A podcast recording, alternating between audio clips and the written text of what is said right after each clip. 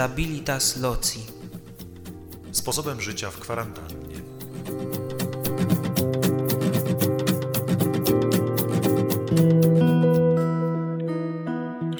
Podążał za prawdą, dokądkolwiek go prowadziła. W wieku 15 lat przeżył nawrócenie. Od tego czasu podążał za prawdą przez wielkie P. To zaprowadziło go do wiecznego miasta, gdzie po czasie przyglądania się pracy różnych zakonów zapisał. Podczas gdy każdy z nas miał różne gusta, oratorium dawało nam większą możliwość działania niż każda inna instytucja. Ta instytucja wydawała się być bardziej niż inne do zaadaptowania przez ludzi Oxfordu i Cambridge. Po krótkim czasie napisał: Byłem szczęśliwy w Oriel, byłem szczęśliwszy w Littlemore, równie szczęśliwy albo jeszcze bardziej szczęśliwszy w Merwell, ale najszczęśliwszy jestem tutaj. To opowieść o człowieku, który wiele w czasie swojego życia zmieniał, ale serce miał stałe. Stabilitas w wydaniu świętego Jana Henryka Newmana. Już jako katolik w Rzymie odkrył styl życia wspólnotowego prowadzony przez oratorianów. W sposobie życia członków oratorium Newman dostrzegł coś bardzo mu bliskiego.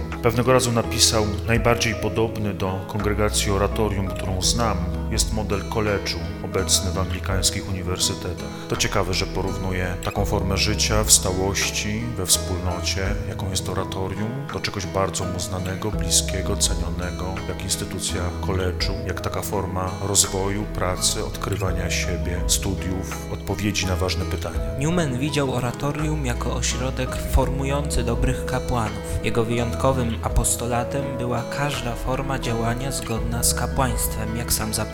Uważał, że najbardziej typową posługą kapłańską w duchu świętego Filipa było przepowiadanie, modlitwa, sprawowanie sakramentów, a w sposób szczególny sakramentu pokuty. Święty Filip go zachwycił. W jednej z wypowiedzi w krótkim eseju o benedyktynach zestawia go z Bedą Czcigodnym, zauważając, że obaj święci odeszli do nieba w tym samym dniu, 26 maja, i pisze o nich tak. Jak dobrze się złożyło, że poszli razem do nieba dwaj święci, których sposób udania się tam był taki sam. Obaj śpiewając, modląc się, pracując, prowadząc innych w radości i weselu, aż do swej ostatniej godziny. Filip imponował Newmanowi zaangażowaniem aż po ostatnie chwile życia w radości, zwykłej codzienności, pięknej, dobrej, pogodnej, otwartej na Boga, otwartej na człowieka. Wraz z przejściem na katolicyzm dla Newmana rozpoczęło się całkowicie nowe życie. Jedno już przeżył, to życie, w którym był sławny, w którym wiele osiągnął i wielu mogłoby mu pozazdrościć. Teraz rozpoczyna życie w mniejszości, którą stanowili katolicy w ówczesnej Anglii.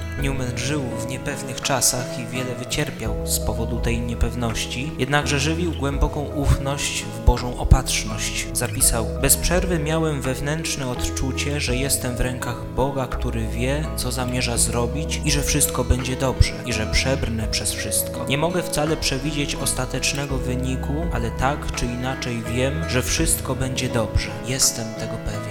Newman wiele zaryzykował, składając katolickie wyznanie wiary, wycofując się w ten sposób ze wspólnoty anglikańskiej, z tego wszystkiego, co dobrze znał i gdzie był ceniony, wchodząc w niepewne wspólnotę Kościoła katolickiego, która też nieufnie patrzyła na konwertytę z anglikanizmu. Ale dla Newmana było oczywistym, że skoro odnalazł prawdę, to musi za nią pójść. Stałe serce nie było w stanie zareagować inaczej. Newman zachwycił się życiem Filipinów, ponieważ uważał, że są ludźmi wolnymi, którzy niewiele posiadają reguł i muszą uczyć się życia wspólnego przy pomocy taktu, znajomości samych siebie i znajomości drugich. Jak przystało na Anglika, precyzyjny i konkretny Newman podaje 11 szczegółowych czynności wykonywanych w ciągu dnia. Wystarczy ich spełnienie, aby być doskonałym. Doskonałym, czyli nie nadzwyczajnym, doskonałym, czyli szczęśliwym, spełnionym, dobrym, świętym. Jeśli zapytasz, co masz czynić, aby być doskonałym, odpowiem: nie leż w łóżku dłużej, niż wymaga tego czas odpoczynku. Pierwsze myśli kieruj ku Bogu. Pobożnie nawiedzaj Najświętszy Sakrament. Odmawiaj w skupieniu anioł pański. Jedz i pij na chwałę Bożą. Odmawiaj różaniec, bądź skupiony, wystrzegaj się złych myśli, kładź się spać w odpowiednim czasie i już jesteś doskonały. Krótka reguła Newmana dotycząca doskonałości mogłaby równie dobrze znaleźć zastosowanie w życiu każdego chrześcijanina. Ten jest doskonały, kto doskonale wypełnia obowiązki dnia i nie musi wychodzić poza to, aby szukać doskonałości. Zatem wystarczy dotrzymać terminów, włożyć naprawdę serce w to, co robię, nie marnować talentów. Jest to krótka droga do doskonałości, co wcale nie znaczy, że łatwa, ale pewna. Newman przez cały czas był niezmiernie świadomy powinności i zobowiązań wynikających z faktu założenia oratorium w Anglii na solidnych, stabilnych, zakorzenionych w duchu świętego Filipa podstawach. Myślę, że jest to niezwykły przykład dla nas, jak wytrwać w swoich postanowieniach, Jak zadbać o codzienność, jak podążać za marzeniami jak je realizować i jak sięgać ideałów. bez zniechęcenia.